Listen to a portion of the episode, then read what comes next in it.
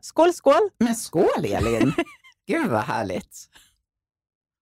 Oj, Den var god. jättefräscht. Verkligen. Vi, ja, vi sitter här och vi dricker inte champagne. Nej. Nej, tyvärr. tänkte. Men Det hade varit lite tidigt. fläderblomsläsk, Mm, var Mm. superfräscht ja det faktiskt. var den faktiskt. Har jag aldrig testat den förut. Så det var gott. Hur mår du? Jag mår bra. Ja, Hur mår du? Ja, men jag mår bra. Jag har lite bekymmer med en av mina hundar som har blivit snil. Så att hon väcker mig en gång varje timme hela natten. Så ni är lika trötta båda två?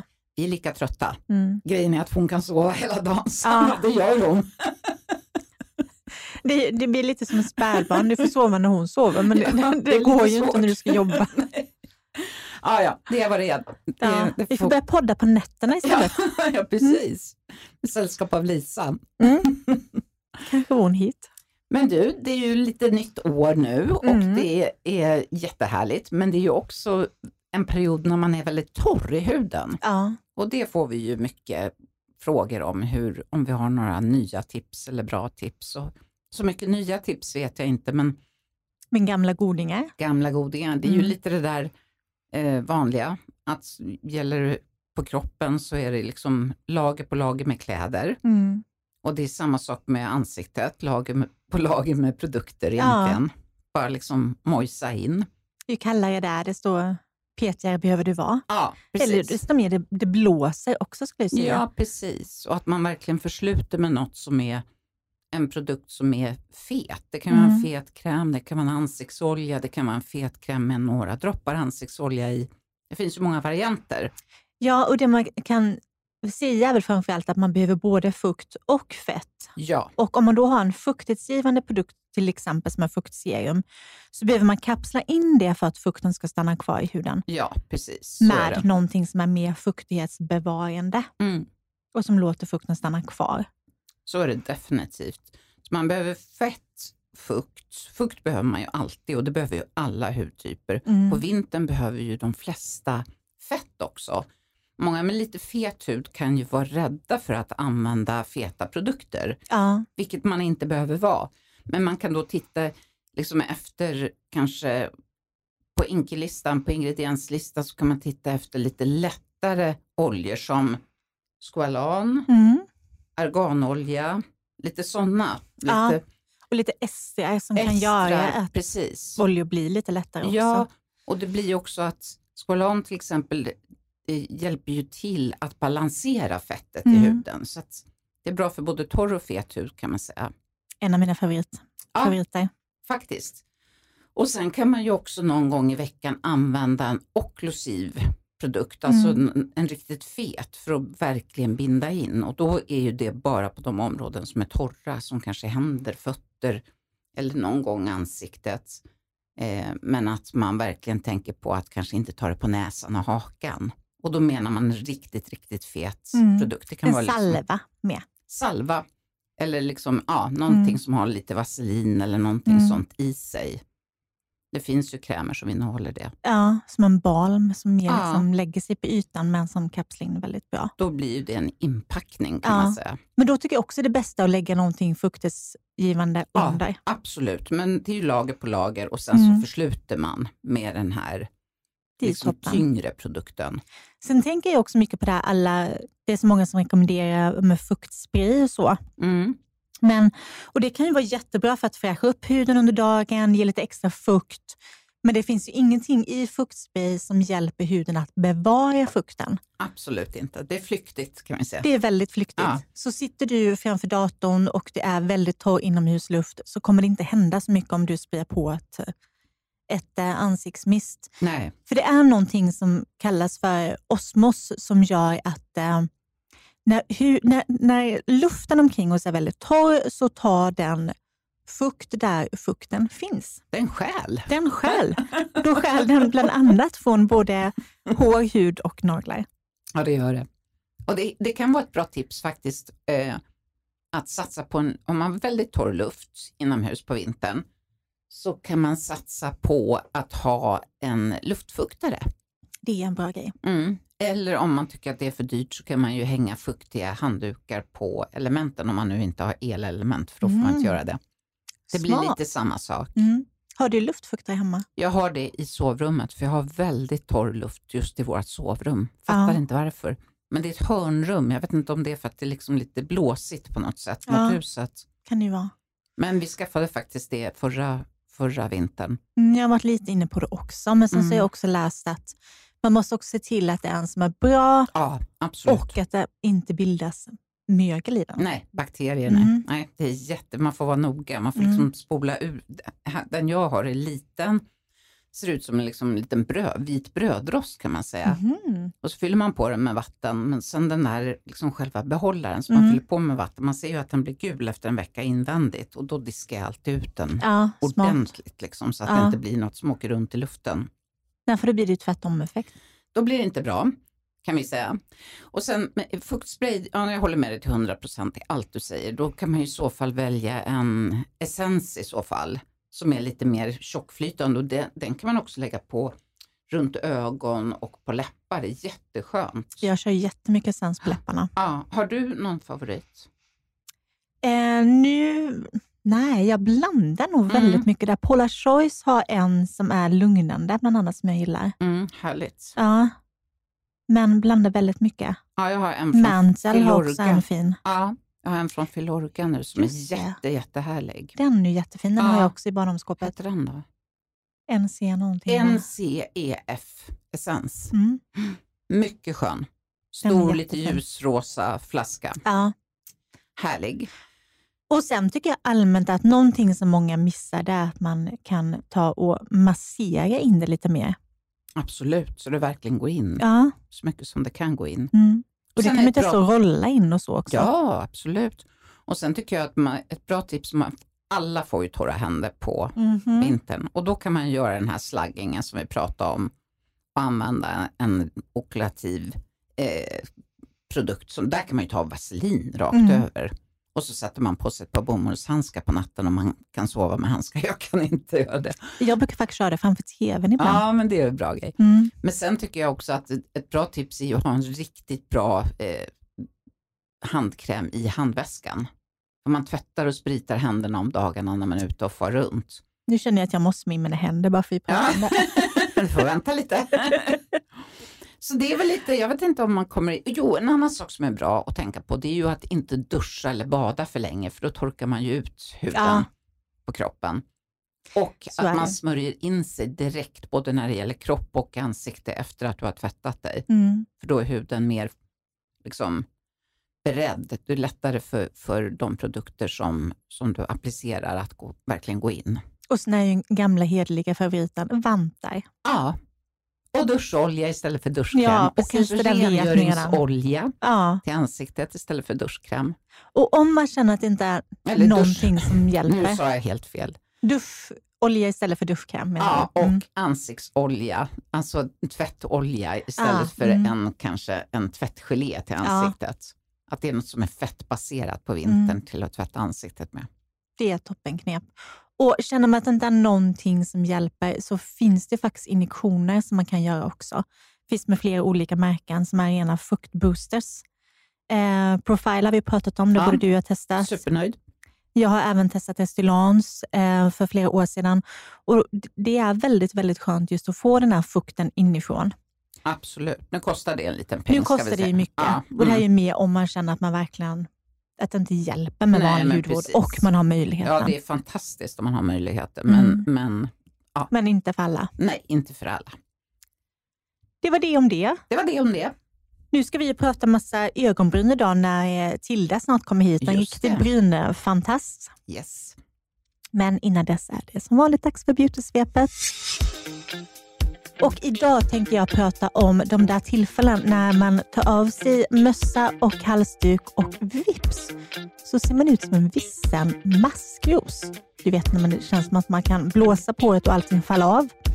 De här elektriska håret, det statiska, beror på elektriska laddningar. För både mössor och vantar och halsdukar tar nämligen elektroner från håret och det gör även låg luftfuktighet. Och när de här elektronerna, de negativa elektronerna skuttar iväg så blir håret positivt laddat. Och när flera hårstrån blir positivt laddade så stöter de ifrån sig varandra. För det kommer du säkert ihåg att plus med plus går inte ihop utan plus med minus. Så vad är då lösningen? Jo, precis som för ansikte och kropp så är fukt lösningen. Du kan till exempel använda fuktighetsgivande schampo och balsam, använda mask oftare än vad du gör annars. Du kan också kombinera med en hårolja för att göra håret lite, lite tyngre beroende på vad du har för hårkvalitet. Du kan också till exempel testa ett Levin balsam eller ett eh, fiber wax för att få bättre resultat av din eh, hår och hårstyling. Jag gillar bland annat Matrix High Amplify som är en serie för att motverka status elektricitet i håret. Och eh, Tigi eller Tigi har en produkt som heter After Party som också är jättebra som en stylingprodukt. Lycka till!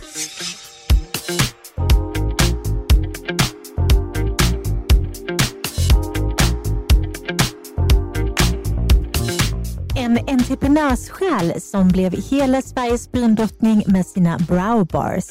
Hon har byggt sitt hus och sitt företag samtidigt som hon utvecklar produkter. Välkommen till hudvårdsdjungeln, Tilda Nord. Tack så mycket. Ja, välkommen. Och vi är ju alla tre hudterapeuter som sitter i det här rummet. Men hur kom det sig att du liksom fokar på bryn? Vilken bra fråga. Nej, men, eh, jag utbildade mig till Sidesco certifierad hudterapeut för snart 12 år sedan. Och, eh, jag märkte ganska snabbt på skolan att eh, jag gillade att jobba med ansiktet och framförallt just eh, fransar och ögonbryn. Ja. Men som hudterapeut så fick man ju lära sig att både plocka bryn, men också färga bryn. Men det var aldrig eh, på en liksom jättedetaljerad nivå. Jag vet inte om ni kan känna igen er Ja, i det här. Absolut, absolut. Utan det var liksom, lägg på färgen, Ja. låt den sitta, ta av den, eh, plocka lite i motsatt riktning, eh, plocka lite underifrån och uppåt. Eh, men det fanns egentligen ingen renodlad frans och brynbehandling. Nej. Så um, det var egentligen ja, kanske två år senare som jag eh, utbildade mig i fransförlängning när det kom till Sverige. Och Det här var ju, ja, det, det slog ju ner som en bomb. Jag vet inte om ni minns, året var väl 2011, något sånt. Och Då började jag göra då singelfransar. Och eh, Till saken hör också den att jag har vuxit upp på skönhetssalonger, för min mamma är då före detta frisör. Så att jag fick ju möjlighet att börja göra singelfransar och ta emot kunder i ett av rummen då på hennes salong och blev helt nerringd. Alla ville testa det här. Så att jag blev lite av en frans och bryn-expert utan att jag visste ordet av. Mm. Det bara blev så. Ja. Eh, Så jag satt och gjorde fransar hela dagarna och blev väldigt duktig på singelfransar. Eh, Och I kombination med att man ville ta, testa de här vackra fransarna så ville man ju också ha perfekta bryn. Ja. Och Då märkte ju både jag och mamma att det här är ju ett litet område som kan göra jättestor skillnad för varje kund. Och det ger ett snabbt och tydligt resultat. Ja, men hur gick det därifrån till att eh, du bestämde dig för att satsa fullt ut?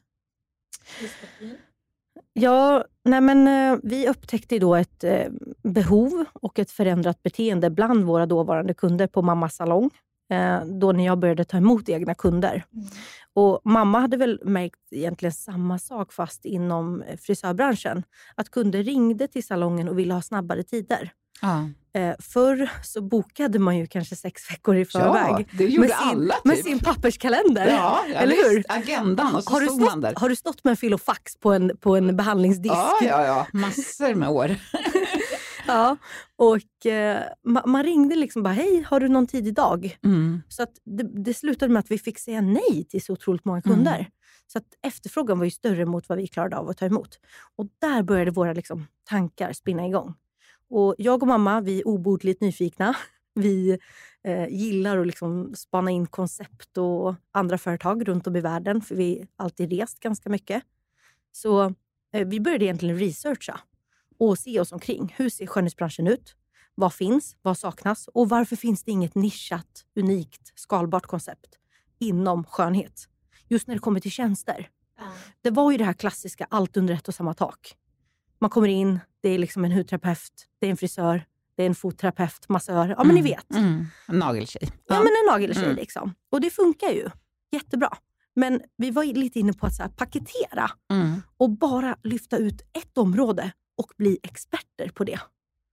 Och då så började vi se att så barber-koncept började poppa upp. Nagelbarer, eller nailbars, liksom, Mm, runt om i mm. världen. Och sen så började vi se att i London och även i Australien och typ ja, men USA, där var det några som hade börjat fokat bara på just ögonbryn. Och då kände vi, nu är vi någonting på spåren Mm. Nu är det dags. nu är det dags. Det är kanske är det här vi ska hålla på med. Så vi beslutade oss för att vi ska starta Sveriges och Nordens första browbar. Mm. Ja. Så coolt och så Ja. modigt ändå, kan man tycka. Nu har det ju gått jättebra, men liksom... Vi visste ju inte om kunderna Ja. var redo. Nej, precis. Eh, och men bryn har ju bara växt. Ja. Liksom. Nej, men, och det här var ju i 28 november eh, 2013. Och eh, när man blickar tillbaka nu, så här tio år senare, så visste man ju inte om marknaden var redo, var kunderna redo, var stockholmarna redo att slå sig ner pladask mitt i en galleria och få brynen gjorda. Ja, precis. För det blir lite öppet också. Det syns liksom att, jaha, där ligger hon. Ja, Mm. vår första browbar var på Nacka Forum och det var ju en open browbar, Mm. alltså utan väggar och tak. Mm, kommer jag ihåg. Ja, och vi har faktiskt kvar den baren än idag. Mm. Ehm, och Det skapar ju otroligt bra synlighet, så det blev ju också en marknads, marknadsföringsplats för oss. Men eh, det mest speciella det var ju också att försöka göra trådning till nummer ett på behandlingsmenyn. Mm. För trådning var ju ingenting som svenskarna var, var vana vid att använda sig av. Vi hudterapeuter vi är ju upplärda i vaxning. Mm, precis. Ja. Men eh, jag tänker på att SOI, det är den här ja, men, organisationen för Sveriges alla hudterapeuter, är ju emot trådning.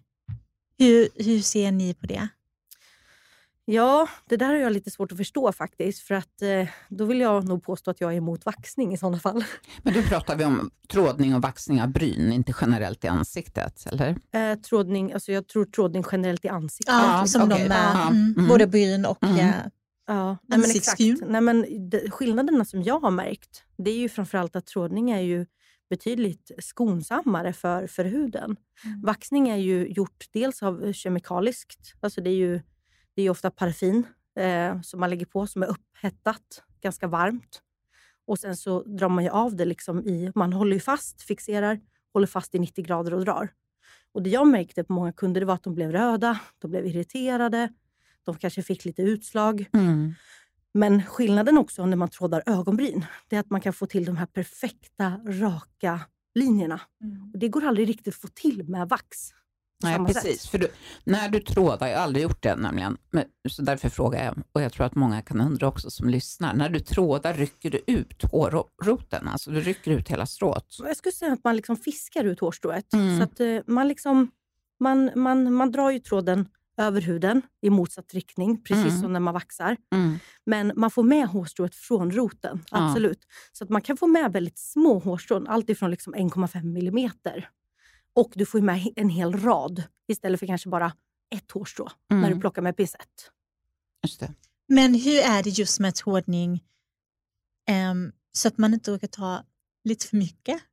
Hur gick det för dig i början när du lär, lärde dig att tråda? Nej, men det där kan man styra väldigt bra. Mm. Eh, man lyfter bara tråden. Liksom. Man kan välja att ta ett hårstrå, man kan välja att ta en hel rad. Mm. Så det är inte så att det bara glider på liksom, och man inte vet när det börjar och slutar. Utan man placerar tråden, man, man tittar liksom vart den här lilla ugglan eller kanten ligger. Och sen så har man liksom bestämt vilken riktning man drar i och vilka strån man, man planerar att plocka bort egentligen. Då. Men fördelarna är ju att det är skonsamt, det är ju hållbart. Jag tycker att det håller längre än många andra Mm. tekniker. Men också helt naturligt. Det är ju med hjälp av en bomullstråd. Så det är faktiskt världens äldsta Just hårborttagningsteknik. det, precis. Mellanöstern använder man det sen, sen långt tillbaka, eller hur? Ja, där är det väldigt stort. Det började liksom i Persien och Indien. Mm. Och Sen finns det även i Afrika och det är jätterepresenterat och stort i Mellanöstern. Då. Mm. Precis. Men du pratar, ni gör det bara på brynen, så att säga? Vi gör ju även ansikte. Alltså man, överläpp till exempel är väldigt populärt. Du är inte rädd då att det ökar hårväxten? Nej, tvärtom skulle jag säga. Okej. Trådar du, alltså jag har haft Jag kan ge ett exempel. Jag ska ha en kund lite senare idag eh, som är en kvinna som kom in i liksom, klimakteriet. Plötsligt fick hon väldigt mycket behåring i ansiktet, framförallt på överläppen. Och, eh, hon började liksom tycka att det här var lite generad, alltså generad hårväxt. Mm. Hon, gränsen gick ju när hennes barnbarn sa mormor, mormor, du har mustasch. Mm. Och då visste Och hon då vill inte... vi bara säga att det är ju jättevanligt. Ja, gud jag som ja. har jobbat på och haft salong i 25-30 år, där har vi jobbat med diatremi och IPL. Och det är ju jättevanligt med, med oönskad hårväxt i ansiktet. Ja, och man behöver inte vara i klimakterie för att ha hår på Nej, det överläppen. finns ju jättemånga unga jag, tjejer som jag, har det jag också. fick det redan i tonåren. Ja, ja, Ja, och det är gud, väldigt jag mina, ja. mina morrhår här. Ja. Så det, är, det är kvinnor i, Ja. i alla åldrar Ja, skulle jag säga, som, som vänder sig till oss och vill ta, ta bort det. Men just den här kvinnan hon märkte det speciellt när hon kom in Mm. i klimakteriet. Och det kan ju ha med, Östrogenet faller. Ja. Precis, Ja. exakt. Mm. Det var väl det som hade hänt då. Så hon upplevde att ah, men nu är det hårt och det är stubbigt och det är mörkt. Liksom. Mm. Och hon har ju gått nu, vad kan det vara? Kan det vara åtta år nästan till mig?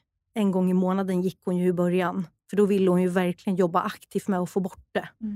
Och sen så fick vi börja trappa ner. Så då kom hon varannan månad. Mm. Sen kom hon en gång i kvartalet. Och nu kanske hon kan gå en gång i halvåret. Och det kan ju också bero på att hon inte har så mycket östrogen. Ja, säkerligen. Ja. Det har säkert hjälpt till. Ja, Men det tror jag. det, det handlar nog också om att man kanske hjälper till att liksom trötta ut hårsäcken lite över tid. Och Det märker man även på brynen. Eh, personer som har plockat sina ögonbryn väldigt intensivt, kanske under 90-talet, de har ju faktiskt eh, fått hårsäckar som har lagt sig i vila eller faktiskt dött till och med. Jo tack. Eh, och, Känner du igen dig, Anna-Karin? ja, och Jo, samma men sak. borsthår som man plockar, Ja, de kan man ju trötta ut. Fjunhår som man plockar, de kan man ju aktivera. Så det där är så skumt. Ja. Liksom. men jag upplever liksom att de här lite grövre liksom manliga hårstråna kanske på överläppen, ja. de har vi ju fått bort i det här fallet. ja. Ja. ja. Och det är hon väldigt hon tacksam glad. Ja, Hon är väldigt glad och tacksam för det. jag Ja. Så, det, så det går om man, om man har tålamod.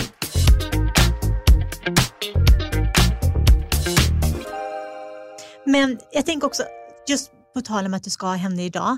Eftersom du driver företag så har du fullt upp. Hur mycket hinner du jobba med brynstyling idag? Ja, men, eh, för tio år sedan då stod jag ju på brynbarerna varje dag Mm. och tog kunder liksom, från öppning till stängning. Och Sen fick man göra allt administrativt fram till typ två på natten så man somnade med datorn i ansiktet. Mm. Eh, Så ser det inte riktigt ut idag längre. Utan idag har jag en annan typ av roll. Jag jobbar som produktutvecklare. Så att jag tar fram våra produkter från skiss till helt färdig produkt. Så det är där mitt, eh, mitt hjärta klappar. Liksom. Mm, det är så roligt. Ja, jättekul. Mm. Eh, Så att vi, vi gjorde om hela vår produktkollektion nu för två år sedan. Och nu fortsätter vi liksom lansera lite nyheter och förbättra de produkter vi har hela tiden. Eh, och Sen så är jag ju också ansiktet utåt, så att med i många olika sammanhang. Eh, både när det är samarbete med vårt marknadsteam och vårt utbildningsteam. Och Sen så är jag ju ansvarig liksom för hela produktmenyn egentligen. Så du hinner du inte göra så mycket bryn? Nej, utan jag tar emot en del samarbeten. Eh, om vi gör något speciellt med några profiler eller influencers eller vissa event till exempel. eller så. Eh, är med och kanske implementerar nya tekniker eller spelar in material till vår personal. Eller, Mm. så att Kul kanske, kanske lite mera liksom, brynexperten ansiktet utåt. så. Men självklart så vill man inte tappa den här eh, liksom att alltid ha en fot kvar på golvet. Så att jag, jag är ute så ofta jag kan. Ja, men det är härligt som att få det här kreativa också, tänker jag. Ja, men absolut. ja. Inte Men ni- bara vid dator. Nu har ni expanderat utanför Sverige också, eller Ja. hur? Ja, precis. Och, berätta. Nej, men vi öppnade i Köpenhamn Mm. för tre veckor sedan. Ja, jag läste, på, jag Ja. läste det nämligen. Och hur kom det sig just Köpenhamn? Nej, men det känns som att Köpenhamn är en stad som är väldigt internationell Verkligen. och representerar Norden på ett väldigt bra sätt.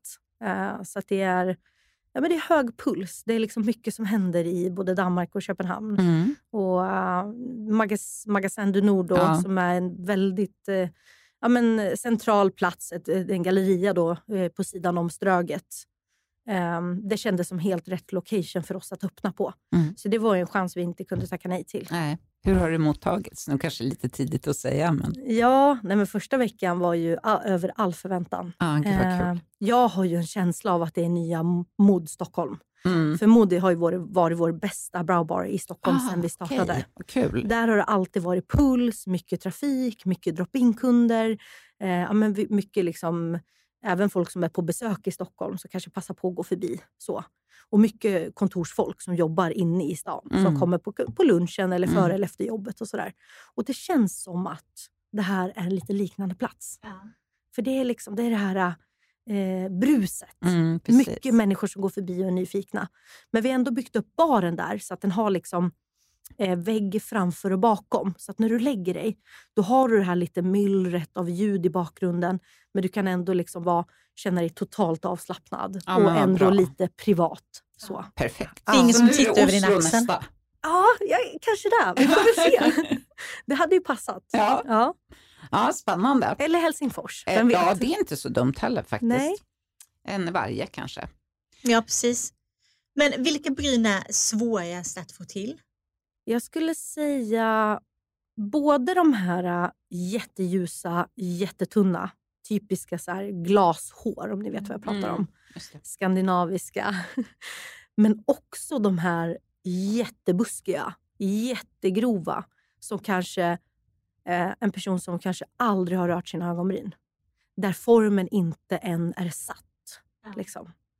Båda de två kunderna skulle kunna vara lika utmanande. Mm. För att antingen är de ljusa och blonda och nästan obefintliga, så att du ska ta fram en form. Eller så ska du liksom rensa bort och få fram en form. Liksom. Mm. Hur gör du på de som är så superduper ljusa? Ja, men jag brukar rekommendera vår bästsäljande behandling Luxbrow. För att då börjar man alltid med att färga. Och färg av ögonbryn är lite hemligheten bakom en perfekt form.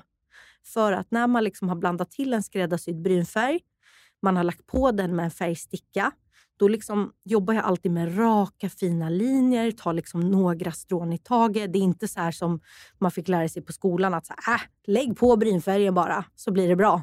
Utan här jobbar jag ju liksom med verkligen så här precisionsarbete och har tänkt ut vilken form jag vill skapa redan från början. Mm.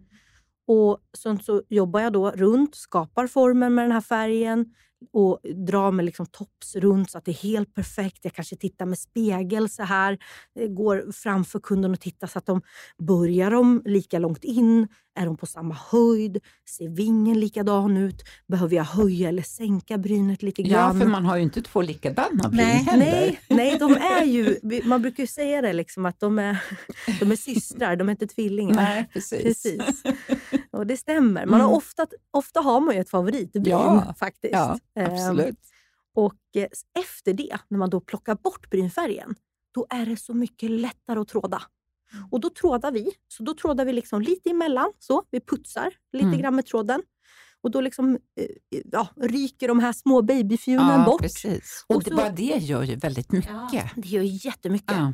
Och sen så putsar vi lite med tråden på vingen, lite ovanför. Som hudterapeut fick man ju lära sig att man aldrig ska plocka ovanför. Nej, för då tyng- tynger man ner. det där är ju rent av bullshit Mm. skulle jag säga. Mm. Eh, på vissa kunder måste man plocka ovanför. För det ser inte bra ut annars. Tänk dig att bara ha massa hår som bara liksom stiger upp mot pannan. Men det är helt rent under. Det Nej, det är jätte- jättekonstigt. Det är jätteknasigt. Och vissa har verkligen mycket upp Ja, till. absolut. Och mot, ut mot tinningarna. Ja, ja, och Ja, kanske ja. att det växer ut och växer ihop lite med hårfästet. Ja. Eller, Mm. ja, Ja, så att visst. alla behöver olika mycket egentligen. Mm. Så då putsar vi runt så och gör raka fina linjer. Och sen så under till. Det är där det är lite utmanande. Då får kunden hjälpa till att fixera, Ja. hålla då. För att man inte ska skada huden på något sätt när man trådar. För här eh, liksom går det ihop lite med ögonlocket och där är man ju väldigt känslig. Mm. Så då eh, talkar vi alltid, alltså, precis som när man vaxar. Lägger lite liksom talk så, fixerar och så tar vi försiktigt, försiktigt liksom, lite upp och så lite fram till då. Ja. Och så är vi färdiga. Perfekt. Men om, om det skulle vara så en kund som inte vill vara med om trådning, Ja. för vissa tycker ju att de blir väldigt irriterade efteråt, då kan ni plocka med pincett om kunden vill det eller? Självklart. Ja. självklart. Då kan vi bara välja att plocka med pincett också.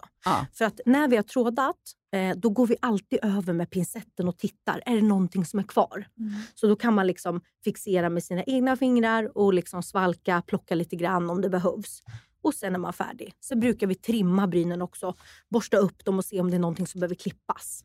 För det, ja, det vara... gör ju också jättemycket om man ja. blir av med de där långhåriga spret... Ja. Flyger iväg lite. Far, farfarstråna brukar ja, vi kalla det. lite så. Farfarstråna. Men jag tycker, har du alltid haft en fallenhet för ögonbryn eller har det gått riktigt snett någon gång? Vet du, jag får faktiskt vara stolt och säga att det aldrig har gått fel. Riktigt fel. Eh, jag har... Nej, det har aldrig riktigt gått fel. Inte ens i början? Det var ingen som kom hem med ett halvt ögonbryn? Nej, nej, aldrig. Nej. Och Jag tror det handlar om att jag själv är jag är som perfektionist. Jag har nästan problem med att jag håller kunden i stolen för länge. Rapid ja. betyder ju snabbt på franska. Mm. Eh, jag har lite svårt att stå för det ibland. för jag vill aldrig släppa från mig mina Nej, för kunder. Det finns alltid något litet. Ja, liksom. Jag står liksom och mm. pillar och fixar och donar. Och, och så jag, nu är jag klar. Och så, ja, nej, en till. Ja, oh, vänta, vänta. vänta. Oh, nej men du, mm. vet du vad? Kolla på mig. Oh, nej, där saknas lite. lite så. Ja. Ja. Så att jag tror det är lätt eh, hänt. Jag är nog perfektionisten i det här fallet. Skönt. Men om någon lyssnare hemma nu som inte är van att plocka sina bryn, vad, vad skulle, om du ger dina bästa tips för att liksom börja plocka brynen så att säga? Köp in ett hårband för det första. Alltså nu tänker jag så här hudvårdshårband. Liksom. Sådana säljer vi och använder i alla våra behandlingar just för att du måste få bort håret från ansiktet och kunna se hela ansiktsformen. Det är steg nummer ett. Sen måste man alltid börja med rengöring. Rengöring är A och O innan varje behandling. För det ska vara rent eh, på det området du arbetar. Och där tror jag många missar. För att de plockar fram pincetten och så bara går de rakt på. Och då finns det en risk för bakterier, rodnad ja, och så vidare. Att det inte blir så jämnt och snyggt. Så att plocka bort makeup, smink, ja, smuts, orenheter och titta titta på brynformen. Vad har jag att jobba med? Liksom? Och gör upp en plan i huvudet innan du börjar. Titta, liksom, ser de likadana ut? Är det lite mer på den här sidan kanske? Vart ska jag börja? Så. Eh, och Sen skulle jag säga börja försiktigt. Börja kanske i mitten om du inte är van. För här gör det inte lika ont. Och sen så väljer du då vilken... Mellan ögonbrynen. Ja men exakt, mm. förlåt. Mm, mellan ögonbrynen. Den är inte lika, lika tunn. Mm. Precis. Och sen skulle jag faktiskt börja lite ovan till. För där gör det heller inte lika ont och du behöver inte plocka lika mycket oftast. Så ta liksom lite försiktigt längs liksom ovansidan av brynet så det blir jämnt och fint. Och sen är du lite mer uppvärmd och då kan du gå på under till. Och då är ju liksom fiffigheten att ta hellre ett strå för lite än ett för mycket. För att risken med folk som plockar mycket och ofta hemma över tid, det är att brynen blir bara högre och högre och mm. högre mm. och smalare och till slut har du den här lilla bågen. Mm. Liksom. Och de, de, är svåra att få tillbaka. Så, Så man eh, alltid ser lite förvånad ut. Ja, ja exakt. Lite McDonalds. Lite McDonalds. Mm. Och eh, alltså, plocka hellre varannan vecka. Liksom, det, låt det gå två veckor emellan plockningarna. Och ha inte någon pincett ligga i bilen och plocka ett strå varje gång du liksom ser det, något litet strå i backspegeln. Utan låt bli. Då, då får ni tänka på Tilda som slår dig på fingrarna. Ja, liksom. Sätt dig på händerna. Liksom. Ja.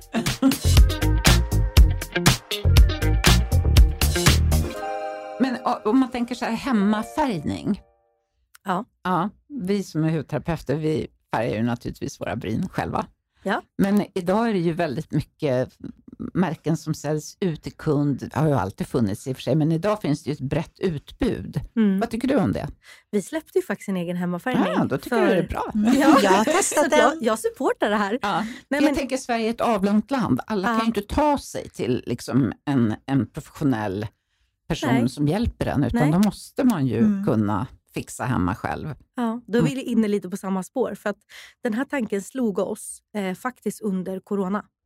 Då kände vi att det var så många som inte kunde ta sig till en browbar. Mm. Även om vi finns i väldigt många olika städer, vi har ju 18 stycken browbars idag, så kände vi att vi hittar ju inte hem, vi, vi, vi, vi måste liksom hitta hem hos kunden snarare, mm. mm. än att de ska behöva ta sig till oss. Precis. Så då började jag utveckla då Brow Tint, eh, som är ett, ett liksom skräddarsytt hemmafärgningskit egentligen. Och Den släppte vi förra året i november och det har gått jättebra. Och Det är en box Eh, där man får tre olika färger. Så att man eh, får med sig lite det här, det här effekten som man kan få i en browbar. Att man kan skräddarsy sin egen brynfärg. Det kan vara efter säsong, det kan vara efter vilken fest eller tillställning man ska gå på. Man kanske vill ha liksom mörkare bryn på vad vet jag, på sommaren, ljusare på vintern för att du är blekare i hyn eller tvärtom. Ehm, och så får man också en liten glaskopp, så som vi som mm. terapeuter använder. Mm. Man får en liten borste och en liten sticka och en liten krämoxidant. Just ja, det är krämform. Ja, ja för mm. det är så enkelt att blanda. Ja, är smidigare. Väldigt enkelt. Och, det är liksom, och sen på baksidan av kartongen så har vi illustrationer och väldigt tydliga beskrivningar. Pedagogiskt väldigt pedagogiskt. Jag kan tycka att det är bristfällig information på alla sådana här typer av förpackningar. Hur länge ska färgen verka? Och liksom, vilken färg ska jag blanda? Hur många droppar oxidant får jag lov att ha? Så att det inte förstör mina bryn eller att de blir som två mörka mördarsniglar. Mm. Liksom. Mm. För det finns ju faktiskt en risk för det när man håller på hemma om man inte har den kunskapen. Ni är ju ändå hudterapeuter. Men man får låt säga då en vanlig konsument som kanske bara vill testa på. Så, mm. så att vi har gjort en ganska skonsam eh, och väldigt lättanvänd färg som blir lite mer som en glossig toning kan man ja, säga. Perfekt. Just det, för det, det som många använder på salong är ju fär, riktig färg. Precis, ja. det är riktig färg. Ja. Men är det då också avsett för fransarna? Eller? Nej, Nej, det är det inte. Nej. Utan det får vi inte, faktiskt inte lov att, göra, att erbjuda. Nej. Utan vi erbjuder bara för ögonbrynen. Bra. jag, jag, alltså, jag fattar inte den där grejen. Nej, det och färga fransarna hemma med väteperoxid. Och det är alltså, faktiskt alltså, snälla, enligt... är du inte räddare än så om ögonen? Liksom? Ja, men jag hade inte vågat gjort det och jag hade aldrig uppmanat en kund till det heller. Utan Eh, vi, och vi, vi som är bryn och fransexperter, vi gör ju inte ens det Nej. på oss själva. Nej, jag skulle aldrig göra det på Nej. mig själv. Brynen gör jag hela tiden. Fransarna aldrig på mig Nej. själv. Nej. Och det är samma sak med de här permanentkitten. Jag är ju stark motståndare till det. Ja som har kommit För hemmabruk, ja. ja. ja alltså börja då peta upp sina fransar på en silikonspole med öppna ögon. Mm, ett, ganska, ett ganska vasst verktyg. Eh, och sen på med starka liksom, permanent vätskor. Jag förstår inte ens alltså att det får säljas. Det, det borde vara förbjudet. Ja, jag instämmer. Ja. Jag håller också med. Ja. Men jag tänker om man då står där hemma och man har kanske man kanske till och med har mätt ögonbrynen och man tänker att så här ska jag göra och man plockar plockar och man försöker tänka och plocka lite i taget. Och sen plötsligt står man där och har två golfklubbor i ansiktet ändå. Ja. Vad gör man då? Du tänker om man råkar plocka för mycket? Ja. Ja, ja då, då får man lära sig av sitt misstag och sen får man faktiskt lägga pincetten åt sidan. Och, sen så, och Det här händer ju hela tiden, vill jag också poängtera. Så att, har, har det hänt dig så don't worry, vi löser det. Men många kommer till oss mm. och har just råkat ut för det här. att jag fick inte till det, jag råkade klippa för mycket eller jag råkade plocka för mycket eller det vart ojämnt eller jag la på en färg men den vart alldeles för mörk och nu trivs jag inte med mina ögonbryn eller jag köpte fel brynprodukt. Och, alltså det är ett litet område men som är ganska knepigt faktiskt. Så jag, jag förstår allt det här. Men då skulle jag säga att ta hjälp av en expert. Det kryllar ju av experter idag inom olika områden. Mm. Vi har ändå kommit väldigt långt i skönhetsbranschen nu tycker jag. Där det finns bra redskap, tekniker, produkter som kan hjälpa dig att hitta din drömform eller look. Liksom. Så det handlar egentligen om att liksom titta på vad, vad är din, liksom, hur ser dina drömbryn ut? Och vart börjar vi någonstans? Och sen att lita på att det tar lite tid. Du kanske inte får effekt efter ett besök utan det är ofta över liksom tid man förändrar och sätter en vacker brynform. Så att, och det, det, man gör då det är egentligen att man liksom färgar samma linjer gång på gång. Man plockar samma strån och till slut börjar liksom brynet fatta att okej, okay, det är den här formen vi kör på nu. Det är ungefär som att byta frisyr. Liksom. Ja. Det tar ett tag att få ner det på rätt sätt. Ja, Precis. Och mm. sen, sen, har liksom den nya formen satt sig och personen då i fråga kanske också har lärt sig hur jag ska fylla i brynet, vilka produkter jag ska styla med för att bibehålla och återskapa det här resultatet nu gång efter gång. Och sen jobba med kanske ett riktigt bra serum under tiden mm. också. Och det är ju precis det där som jag tänkte på. För jag plockade ju sönder mina, jag hade jättefina bryn, eh, alltså kraftiga bryn, som jag verkligen hade önskat att jag hade kvar. Men under 80-talet så, så plockade jag ju sönder dem så att säga. Mm. Så att idag har det ju kommit tillbaka, men det är ju luckor ja. här och där. Alltså Ja. inte på rätt ställen. Nej. Har du testat serum eller någon brynolja? Jag hade en agentur för, för serum under lång tid. Ja. Hur, tyckte du att, hur tyckte du att det Nej, funkade? men alltså, nej, jag tycker inte... Jag har testat säkert tio olika serum på mina bryn och jag kan inte säga att något har funkat. Nej. Funkar på andra men inte på dig då, tydligen. Nej, jag tror inte det funkar på alla heller, Nej. utan jag tror att det är väldigt, väldigt olika. Jag tror att det funkar på många, men Mm. inte på alla. Däremot på frans, fransserum funkar superbra Mm. på mig. Och jag tror, jag tror också som du säger, det kanske funkar, eller jag vet att det funkar olika på alla. Ja, Eh, självklart kan det hjälpa till att förbättra eh, kvaliteten Mm. och liksom styrkan på de hårstrån du redan har. men de är bra. Det är Ja. bara. Ja, så jag, vill, jag vill ändå så här, till alla er som kämpar med någon Mm. form av serum där Ja. ute, eh, ge inte upp. Och Utan, det tar tid. Ja, och ni har ju nytta av det för de hårstrån ni har kvar. Mm. Så att, tänk inte att Åh, bara för att den här luckan eller hålet inte kom ut nu så det här är ju bara att strunta i. Mm. Liksom. Utan det hjälper ju också att bibehålla det du faktiskt har. Absolut. Så, så, Så det, är det det, det är en grej. Ja. Men sen tror jag också att det finns kunder som, som har hårsäckar som antingen då har de lagt sig i vila, då är då man kan väcka dem till liv igen. Mm. Då kan man liksom börja se att det, det börjar gro, det börjar växa, det börjar komma tillbaka. Eh, och, och Det här har vi ju sett liksom resultat Mm. på nu under tio års tid. Folk Mm. som har testat olika tekniker och produkter. Så att det går. Mm. Men det finns ju också personer som har faktiskt hårsäckar som har dött. ja, de har sagt adjö. Ja, och har de sagt adjö då tror jag att det är svårt att väcka dem till liv igen. Och vad skulle du säga att man ska göra då?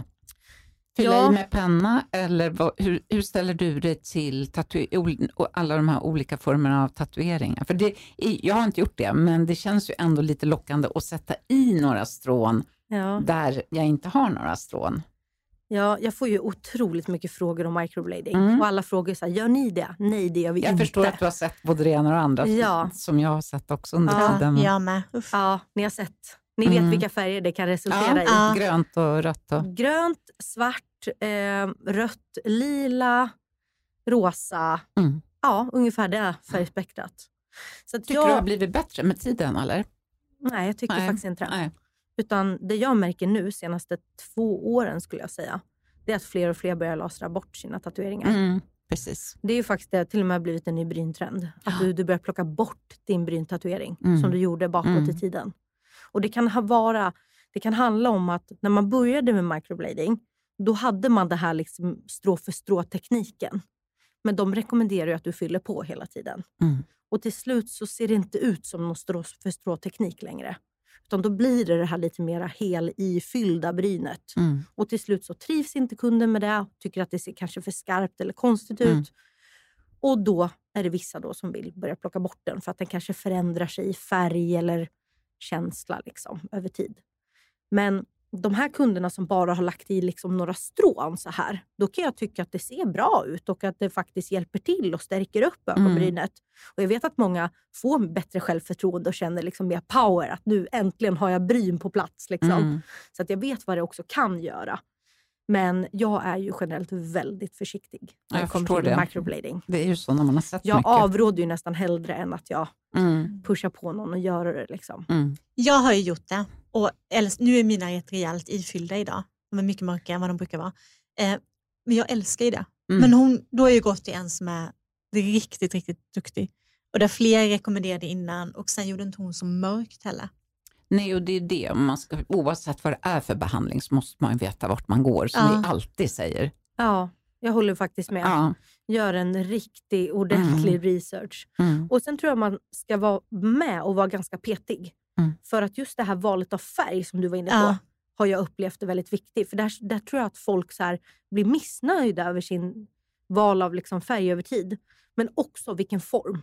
Mm. För Jag har några kunder som tycker liksom att nej, men jag vill inte ha min vinge så här längre. Då kanske de vill ha lite mer det här browlift-ögonbrynet.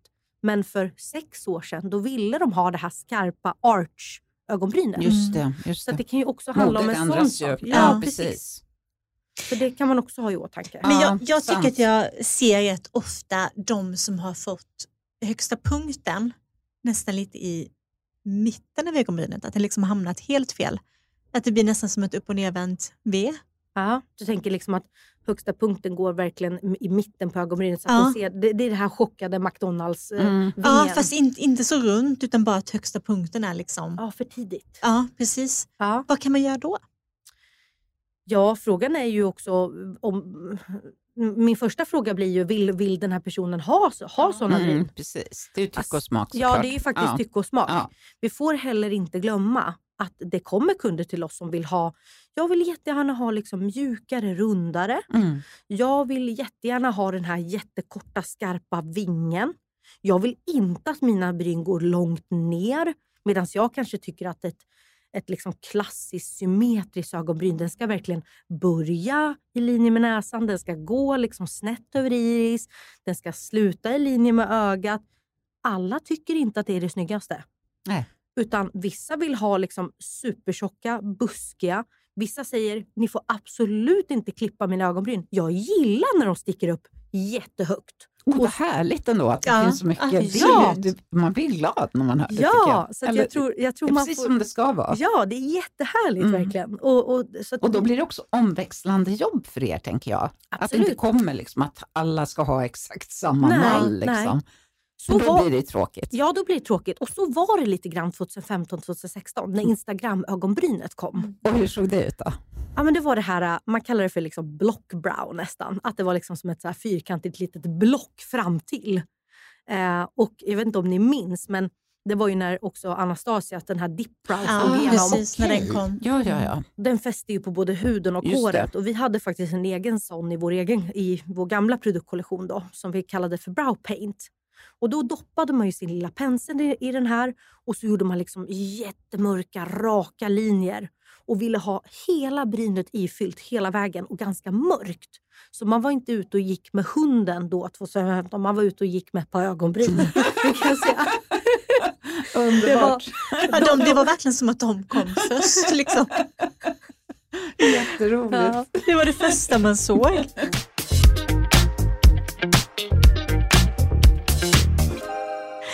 Det här med brynkniv, det känns som att det är fler och fler som har börjat använda. Just det. ja.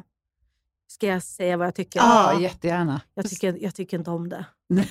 Då tycker vi samma tror jag. Det känns Ja. som att Jag jag, jag, har inte testat. i ansiktet på hemmabruk. Precis. Alltså snälla rara, Men varför? också det här att det känns som att man tappar kontrollen över hur brynet ska se ut. Ja. Absolut. Och jag tycker liksom folk tar för lågt och för djupt och risken är att det blir för mycket. Och även om man bara liksom kapar, det blir nästan som att man har rakat, Mm. rakat Mm, brynet jag liksom, eller ra, rakat benen. Liksom. Mm. Håret kommer ju att växa ut igen. Så jag brukar säga så här, det är ju ingen, det är inte katastrof. Vi har ju inte plockat det från roten. Vi har ju ett större ansvar när vi trådar och när vi vaxar. För då plockar vi faktiskt ett hårstrå från roten. Det är stor skillnad. Här har vi bara kapat av hårstrået. Mm. Så det är viktig skillnad att bara Mm. ta hänsyn Klippt, till. Liksom. Ja, men lite som att vi har klippt av det. Liksom. Men jag tycker ändå jag tycker det sliter på huden. Jag tycker att det är risk att du tar för mycket. Och att det bara blir en sån här lite, ah, vad ska jag säga, lite så här tillfällig quick fix. Ja. Det blir liksom inte ett hållbart långsiktigt resultat. Utan du är i alla fall där och petar liksom några dagar efteråt när du får, får den här mörka stubben. Ehm, ja, nej. Så Ja, det, det måste ju gå väldigt fort liksom. ja, det är pang, Innan en ja. fest. Liksom. Ja. Men en helt annan grej som jag tänkte på när vi pratade om färger på bryn. Det är Ja. ju väldigt liksom individuellt Ja. vad man gillar och vad man passar i och ja, vad man känner för helt enkelt. Men jag vet att för några år sedan kom ju färger, liksom färgfärger. Vad tänker du med färgfärger? Ja, men liksom lila, rött till fransar och bryn och sånt som man Ja, kunde här färga in. chockfärger. Ja. Mm. Ja. Var det något ni jobbade med någonting? Nej, faktiskt inte. Nej. Den enda, de enda färgerna som vi jobbar med i baren det är att vi bleker ögonbryn. Mm. Så att vi kallar den behandlingen för brow lightening. För det är också väldigt många kunder som kommer in och inte vill ha mörkare bryn. Mm. Utan de vill ju ha lite ljusare bryn. Och Det är också någonting vi har fångat upp under de här tio åren. Att så här, varför erbjuder ingen liksom en liten uppljusning? Precis som att vi vill bli ljusa i håret. För Vissa tycker ju att brynen nej men, de gör att jag ser lite arg och lite, ansiktet blir lite tungt och liksom lite så här koncentrerat. Så då, det man gör med blekningen det är egentligen att ljusa upp brynet upp till tre steg ljusare. Så det är inte att man springer runt med liksom Sune, Sune-blekta ögonbryn utan det är att man lägger på en, en liksom, antingen naturbrun eller ljusbrun efter att man har blekt. Ja. Eh, och Det här kan man göra kanske var sjätte, var åttonde vecka så att det liksom inte sliter för mycket utan det ska vara håll, hållbart och skonsamt. Mm. Men att man får det här lite, lite mer liksom ljusbruna till naturbruna färgen istället för kanske svarta bryn. Mm. Eh, och sen jobbar vi med rött. Så då kan man också börja med att ljusa upp och så kan man lägga på en, en, en röd färg. Då. Mm. Eh, och då kan man ju också antingen gå liksom åt, blanda i lite brunt så att det blir lite varmbrunt. Eller så kan man gå all in på liksom Ariel-röd. Just det. Ja, förstår. Ja. Men Anna-Karin, skulle du kunna tänka dig att ja, men köra lite chockfärg på dina bryn? Nej, det kan jag Det inte. var verkligen ord och inga visor. Jag, Nej. nej. Men däremot är det Jag har alltid haft en väldigt mörka bryn Ja. och det tänker jag fortsätta med. Ja. Men, och jag rekommenderar ju hellre att man liksom leker med kos, alltså kosmetik än Ja. att man leker med riktig färg. Men du förstår vad jag menar, för det kom ju för några år sedan. Alla, de, alla de stora varumärkena inom i alla fall Beauty, salongs, ja. ja, kom ju med de här lila och, och orangea, men jag har inte sett så man går runt på stan med det. Nej, Det Nej, kanske och- inte blev någon hit. Jag tror faktiskt inte Nej. det. Eh, men däremot är det ju häftigt att liksom ha typ en blå eller lila mascara. Så Mm. Ja. Det kan jag tycka är ja, riktigt det vackert är och ju fint. jättesnyggt. Ja, jag har ju kört om en ögonpenna i typ äh, mörkgrönt och sånt på brynen också ibland. Mm. Men det är ju bara varit för att jag tycker det är kul. Ja, och, och det går ju att tvätta bort direkt. Ja. Ja. det är Och man kan ju göra en cool liten så här browline med någon färg om man vill. Mm. Det kan ju vara häftigt.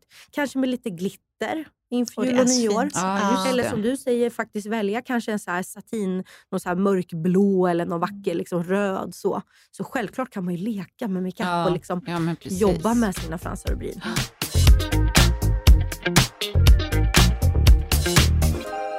Men jag tänker också, det har varit så otroligt mycket trender i ögonbryn de senaste ja, men tio åren jämfört med innan. Det har ju gått så mycket snabbare känns som. Ja, men från de väldigt buskiga och sen så har vi varit till de extremt nedsvarvade och sen har det varit breda där många blev som ja, men, mördarsniglar.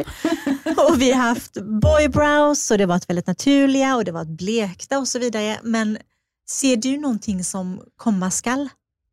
Ja, nu senaste två åren så har ju browlift-trenden liksom Ja. hägrat. Mm. Och Det har ju varit väldigt liksom stora, fluffiga, lite mer odefinierade bryn skulle jag Mm. säga.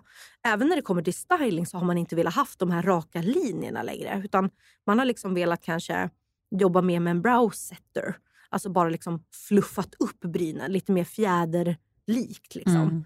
Mm. Eh, vi har ju också släppt eh, produkter som eh, vår Browlift Soap till exempel. Den sålde ju slut på bara några månader. Och det var för att jag, jag, jag sa, sa ju också så här, det här är Browlift på burk. Du behöver inte komma till en browbar och göra en browlift utan det räcker med att du köper den här Väldigt bra förklaring. Mm. det räcker med att du köper den här produkten så ser det ut som att du har gjort en browlift. Så det, det vart ju en megatrend. Mm. Liksom. Men så det, och det skulle jag säga att det är en trend som håller i sig. Det här med supernaturliga, lyfta, liksom kammade, skulpterade bryn. Eh, för det gör också att du får upp ögat. Vare sig ålder, alltså ung tjej som liksom äldre kvinna, Mm. eh, får det här pigga, fräscha ögonen. Liksom. Ja, det är verkligen sant. Eh, och volym i brynet, det känns som att de flesta trivs med det. Att man vill ha volym. Mm. Man vill inte ha de här äh, vrålpetitta, smala. Liksom. Men 90-talet är ju tillbaka. Ja. Och till min stora farhåg. Och Det är väl kanske bra på ett sätt kan man tänka. Alltså, då har ju ni massor att plocka bort. Men samtidigt, vi har ju jobbat stenhårt nu. Jag brukar skoja om och säga att vi har ju varit ett rehabcenter för alla 90-talsögonbryn nu i tio Mm. år. Ska vi börja, pl- börja plocka bort dem igen nu? Eh, men jag trodde först att så här, oj, det här kommer verkligen slå. För man såg det på catwalken, man såg det liksom i modetidningar. Man började se det också bland liksom, ja, mycket unga tjejer. Jag tänker de som inte har gjort misstaget innan. Mm. De som Ja. är yngre, de kanske som hoppar på vågar det. hoppa på Ja. det här. Liksom. Men jag tror ändå att eh, det finns liksom två läger idag. Antingen har man de här smala, coola, Mm. för det är lite coolt. Ja. Liksom. Och det tyckte man ju på 90-talet. Man Absolut. Absolut. katalogen. Det var ju liksom skithäftigt och kändisarna hade dem och sådär.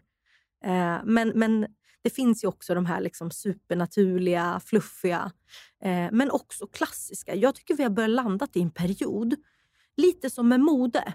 På 80-talet var det en viss stil, på 90-talet var det en viss stil och säkert 70, 60, 50 Mm. också om vi hade tittat. Men med bryn börjar det bli samma sak nu. Nu finns det liksom lite av allt. Det finns liksom ett axplock. Mm. Så här, vissa gillar de här klassiska archögonbrynen som aldrig går ur tiden. Vissa fortsätter på browlift-spåret. Vissa har fortsatt fyllt i sina bryn likadant sedan 2015. Inga konstigheter med det. De kanske trivs superbra i den stylingen. Eh, vissa kör på microblading-ögonbryn och vissa kanske hakar på det här supertrendiga smala liksom brynen.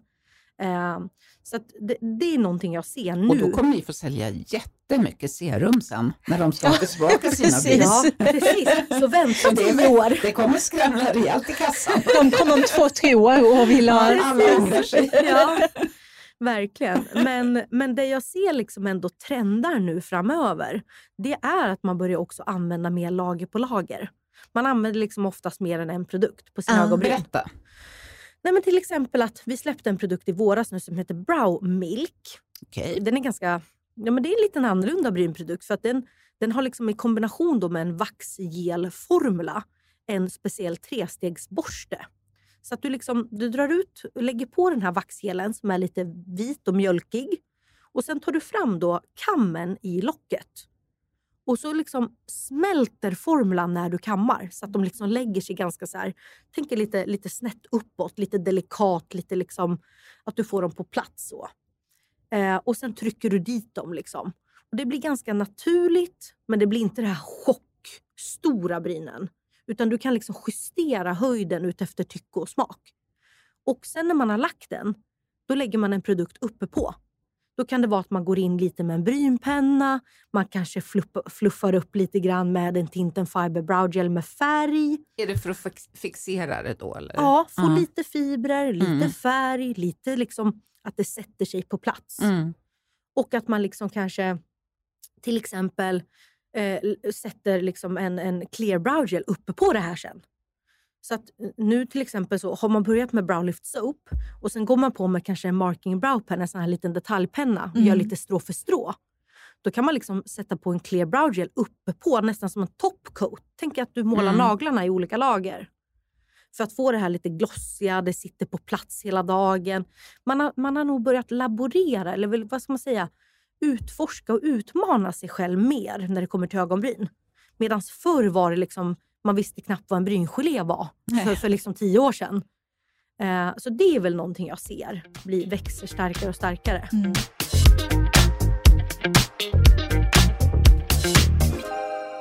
Tänker ni med era produkter? Eh, För jag tänker, för mig är det så, jag har ingen känslig hud, men jag tycker att det är svårt med ögonbrynsprodukter för att jag får lätt lite eksem, Ja. alltså irriterad hud efter produkten. ja.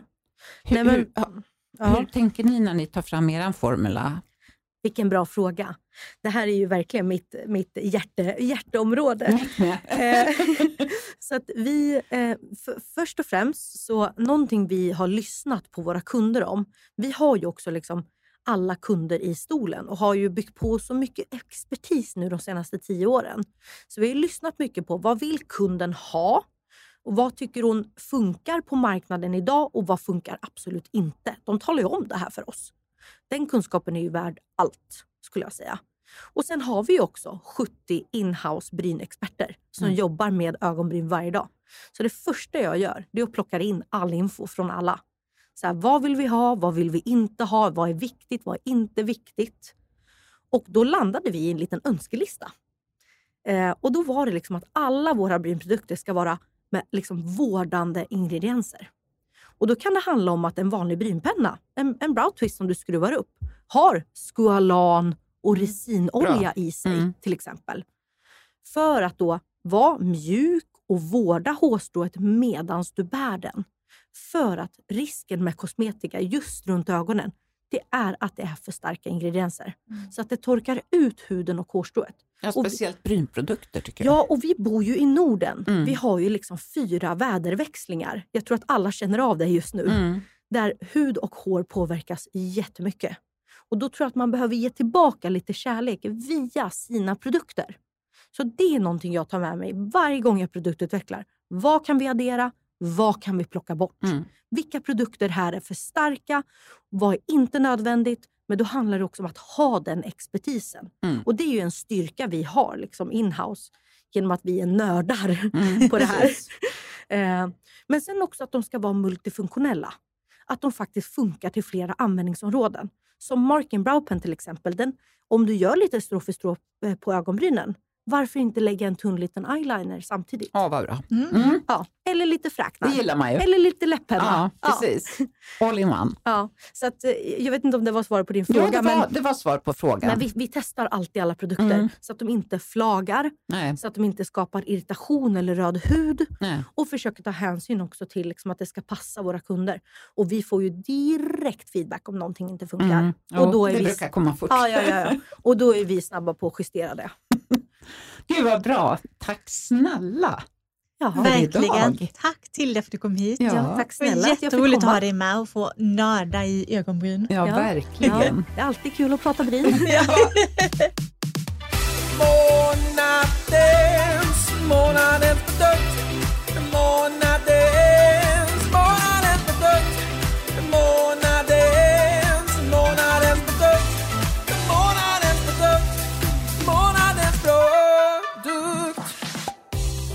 Nu är det dags med en ny vignett och det här är så spännande. Eftersom ni vill höra ännu mer vad vi tycker om olika produkter så kommer vi en gång varje månad att ha en liten specialare om det här. Ja. Ni kommer självklart få höra våra allmänna produkt, produkttips i avsnitten också, men här blir lite mer som en liten utmärkelse kan man Mm. väl Det säga. här är på allmän begäran kan vi säga. Mm. Det här har ni önskat er. Eh, och eh, först ut är cleansing balms. Därför att det är det viktigaste steget till rengöringen är, eller i hudvårdsrutinen, är ju rengöringen. Ja. Så att vi älskar ju rengöring, båda du och jag. Ja, och jag älskar speciellt balm så jag är väldigt svag för det. Mm, det är härligt. Det löser upp Ja, så bra tycker jag. absolut. Eh, men eh, ska vi börja lite nerifrån? Ja, men vi gör det. Då har vi först, först ut på listan är Maggie by Kakan Cleansing Gel. Och det är ju som det låter en rengöringsbolm med mycket oljor. Den innehåller solrosolja, rapsolja men även BHA och AHA, vilket är fantastiskt bra för huden, men kan ju då ha den effekten att man inte ska ha den runt ögonen. I mitt fall är det absolut så, för jag blir svullen Mm. om jag har bolm överhuvudtaget tycker jag är svårt runt ögonen, men speciellt inte lämpligt om det innehåller syra. Det som är fint med den här produkten är att den kan ligga på som en mask i 10 minuter Åh, och då gör ju den här BHA och AHA en riktig nytta samtidigt som oljorna gör att det liksom återfuktar och fettar huden. Så det tycker jag har varit väldigt skönt moment när jag testat det några gånger. Eh, det som är lite minus tycker jag är doften, att det luktar väldigt mycket kar. Jag har ingenting emot karar, tvärtom. Eh, men inte hundra på att jag vill ha dem i, i min hudvårdsrutin, om vi säger så. men det är någon träig doft Ja. mot. Sandelträ, cederträ, Någonting någonting, sånt. sånt. Så att då, då bara man vet det, Ja. att, det, att det, det doftar kar helt Mm, enkelt. Det doftar kar. Man kan också vara en kar och gilla det och man Ja. kan vara en kvinna och gilla det också. Så att, men det, då så har vi nämnt det och själva burken är på 100 ml och rekommenderat pris ligger på 480 kronor. Ganska pricey Mm. för 100 ml kan jag tycka. Men det är min personliga åsikt. Ja, Nej, men jag kan hålla med dig Den faktiskt. gör sitt jobb, Mm. tycker jag. Den, Mm. Jag har ju den på ögonen också, för jag vill testa det. Jag Mm. använder ju rätt mycket ögonmakeup. Det är Mm. det jag tycker är så himla kul.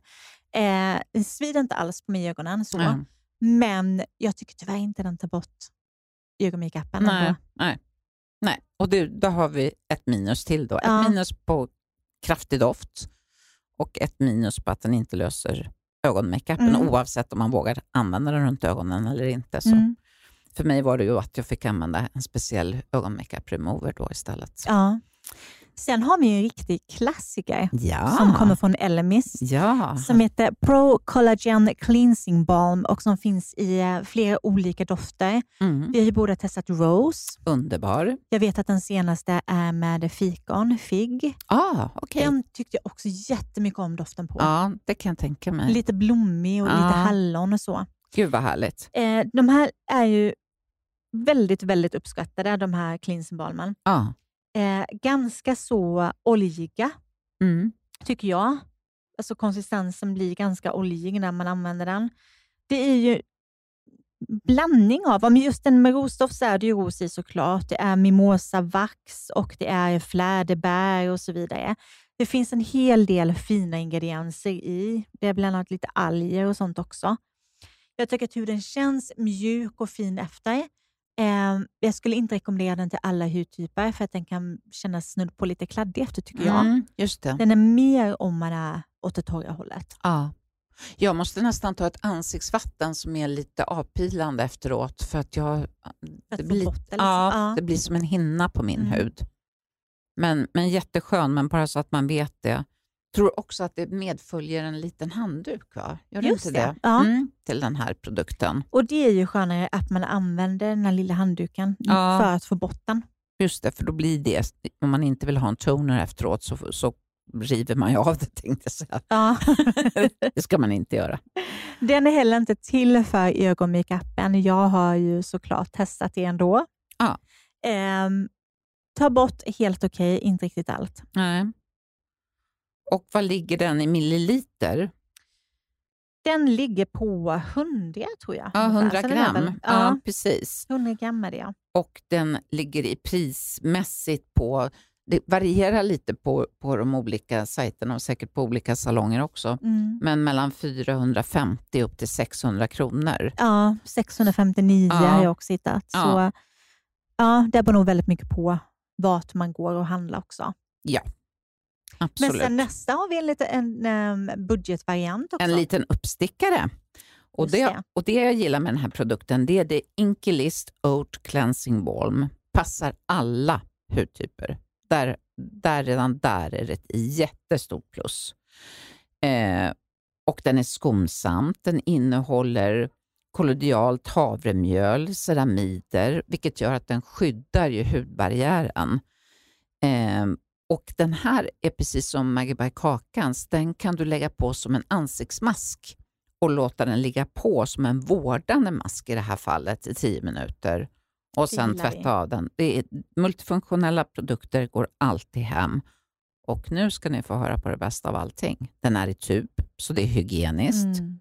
Balm, i, när du har den i en burk så, så rekommenderar vi alltid att du har en ren spatel och tar upp den mängden produkt som du behöver. Här behöver du inte tänka alls. Och det är en stor, fet tub, tänkte jag säga. Men det är det.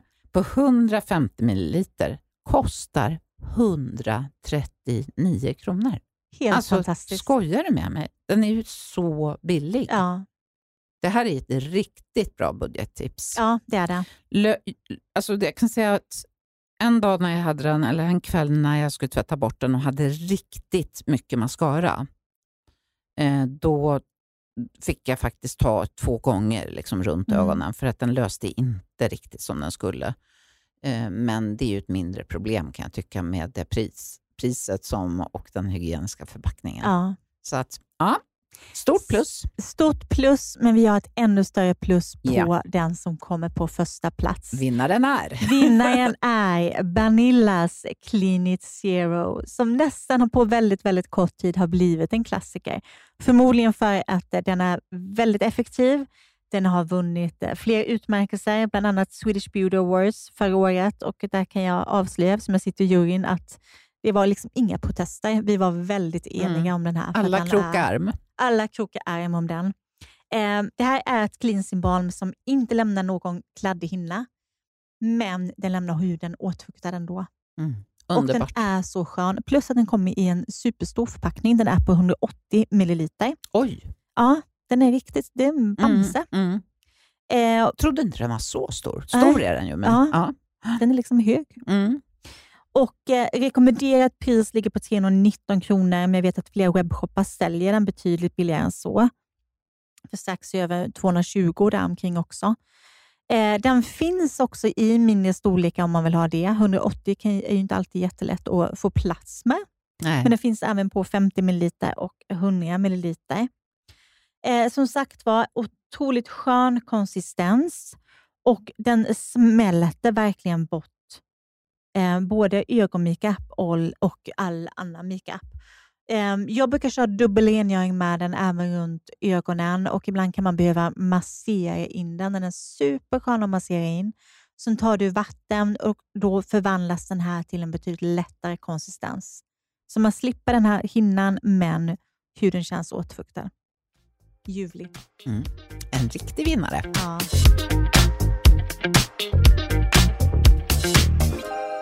Ja, nu är vi fullärda angående ögonbryn. Ja. Är du nöjd med dina ögonbryn? Nej, men jag, jag, jag har alltid varit nöjd med mina Mm. ögonbryn, men jag har ju liksom fått ett litet område på ena och ett litet område på andra där det inte kommer ut efter sönderplockat. Syns ju ingenting. sen. Nej, jag, jag fyller ju i med penna. Mm. Jag färgar ju mina bryn kanske var tionde dag. Ja. Eh, De är ju mörka men jag vill ha, att de ska vara blanksvarta. Liksom. Mm. Och sen så har jag som en liten, liten penna som jag bara liksom fyller i. Och det är inte som tuschpenna utan mer som en kolpenna. Ja, okej. Mm. Och sen så har jag eh, Williams gel Mm. som jag, eh, I will makeup. ja Mm. just det, som jag liksom bara låt, sätter Duttelidutta lite. Mm. Ja. Dutteliduttar. är du nöjd med dina bryn? Ja, men just nu är det. Jag har varit lite fram och tillbaka i perioder kan man väl säga. Det är många gånger jag tyckte att de var för tunna också.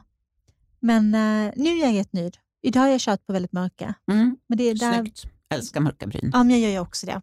Men det där varierar en del. Jag tänker alltid på, på uh, Spindelsvän, Just Ida det. Kylleman, när hon Mm. sa brynnaken. Och det är precis, det vill man inte vara alltså. Håller med Ida. Ja, det gör jag också. Jag säger nej till det. Nej, jag håller med dig. Ja, Ja, det har varit ett jättespännande avsnitt med Matilda. Hon är så kunnig om detta. otroligt. Ja. Ja, tack för idag. Tack för idag. Följ oss gärna på Instagram där vi heter Hudvärdsdjungeln. Där kan du även ställa frågor till oss via DM eller skicka något tips eller någonting annat. Önskegäst kanske? Önskegäst eller någon, eh, någon fjäskig kommentar eller Ja, komplimang. precis. blir vi också glada för. Mutor och grejer. Precis. Choklad tycker jag. Ja, godis. Ja, bra. Ja, underbart. Ha en härlig helg hörni. Ja, puss på er. Puss puss. Hej.